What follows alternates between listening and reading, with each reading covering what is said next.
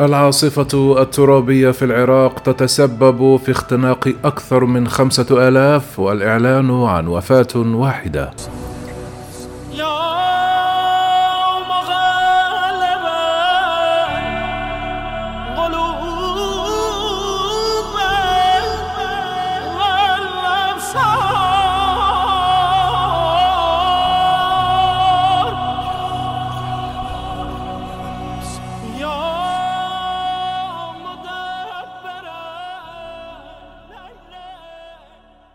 خمسة آلاف حالة اختناق في العراق ووفاة واحدة سجلت اليوم الخميس بسبب عاصفة ترابية تضرب مناطق في وسط وجنوب البلاد بحسب إحصائية أعلنت عنها وزارة الصحة العراقية.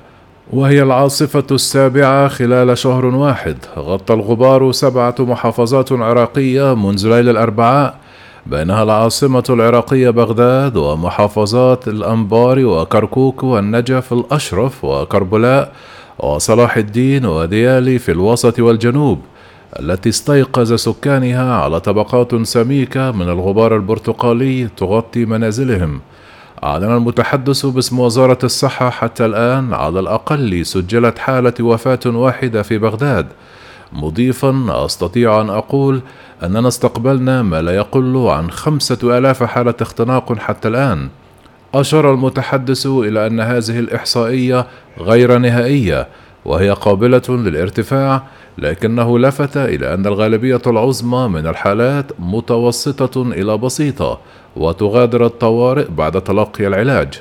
كما سجلت محافظة الأنبار الواقعة في غرب العراق والحدودية مع سوريا نحو 700 حالة اختناق كما نقلت وكالة الأنباء العراقية عن مدير إعلام صحة المحافظة. أما النجف فقد سجلت أكثر من 600 حالة اختناق نتيجة العاصفة الترابية كما أعلنت دائرة الصحة في المحافظة الواقعة في جنوب العراق. فضلا عن 378 حالة في صلاح الدين الواقعة في وسط العراق وفق أرقام نشرتها وكالة الأنباء العراقية.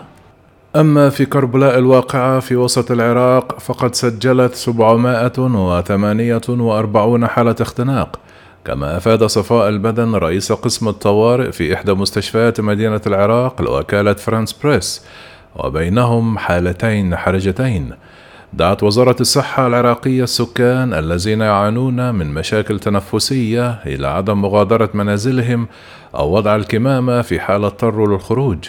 ويتوقع أن تنحصر العاصفة الترابية تدريجيا خلال يوم الخميس بحسب مدير إعلام هيئة الأنوار الجوية العراقية عامر الجابري مرجحا في حديث له إلى وكالة الأنباء العراقية استمرار هبوط العواصف الترابية خلال شهر مايو.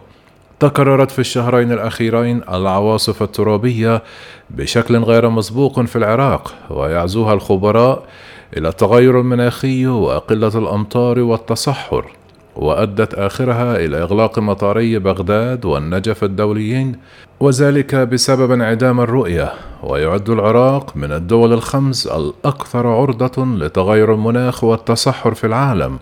خصوصا بسبب تزايد الجفاف مع ارتفاع درجات الحرارة التي تتجاوز لأيام من فصل الصيف خمسون درجة مئوية. كما حذر البنك الدولي في نوفمبر الماضي من انخفاض بنسبة 20% في الموارد المائية للعراق بحلول عام 2050 بسبب التغير المناخي. كما حذر المدير العام للدائرة الفنية في وزارة البيئة العراقية في لقاء مع وكالة الأنباء العراقية من تزايد العواصف الرملية خصوصا بعد ارتفاع عدد الأيام المغبرة إلى 272 يوما في السنة لفترة عقدين ورجح أن تصل إلى 300 يوم مغبر في السنة عام 2050 وتمثل زيادة الغطاء النباتي وزراعة غابات بأشجار كثيفة تعمل كمصدات للرياح أهم الحلول اللازمة لخفض معدل العواصف الرملية بحسب الوزارة.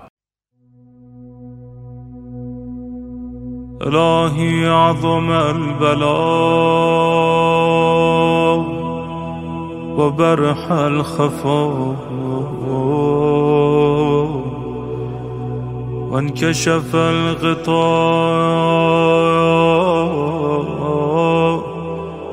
وانقطع الرجاء.